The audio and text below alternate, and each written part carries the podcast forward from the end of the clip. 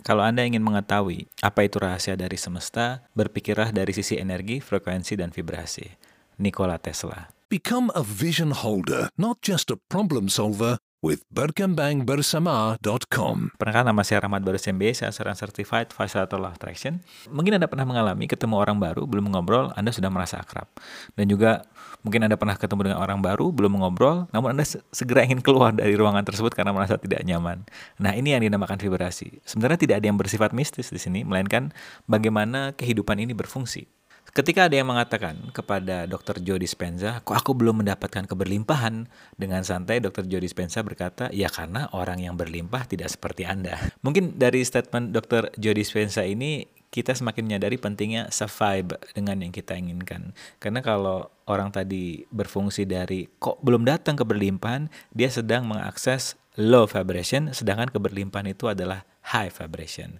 Nah, kebanyakan orang di luar sana bukan Anda ketika menginginkan sesuatu yang mereka pancarkan adalah keraguan. Nah, keraguan ini sebenarnya bermula dari self worth yang rendah. Sehingga saat ingin keberlimpahan seperti uang misalnya yang muncul adalah emang siapa gua bisa dapat uang segini? Aku kan dari keluarga yang nggak mampu. Dan ketiga yang paling klasik adalah punya uang kan banyak masalah. Sehingga saat kita meminta sesuatu dan yang muncul adalah low frequency, nggak mengherankan semesta akan menarik atau mendatangkan peristiwa yang sama yaitu peristiwa-peristiwa yang secara frekuensi rendah. Nanti Anda bisa cek emotional chart dari Dr. David Hawkins yang mana saya selalu menggunakan chart ini untuk ngecek vibrasi saya yang bermula dari pride ke atas adalah high vibration, pride ke bawah adalah low vibration. Pride ke atas sifatnya expanded, tenang, luas, sedangkan pride ke bawah itu kayak contracted, sesak.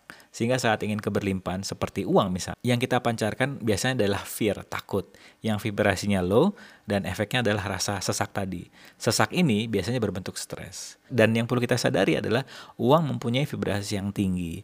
Oleh karena itu kita perlu melakukan segala cara agar vibrasi emosi kita juga naik dengan tiga hal yang biasanya saya lakukan, mencukuri hal yang sudah kita punya, mengakui potensi yang sudah kita punya, dan menyadari sudah sejauh mana perkembangan kita. Dan terakhir ada sebuah tools yang saya suka yaitu permainan buku tabungan yang akan dibahas nanti di event Energy Ball 2.0.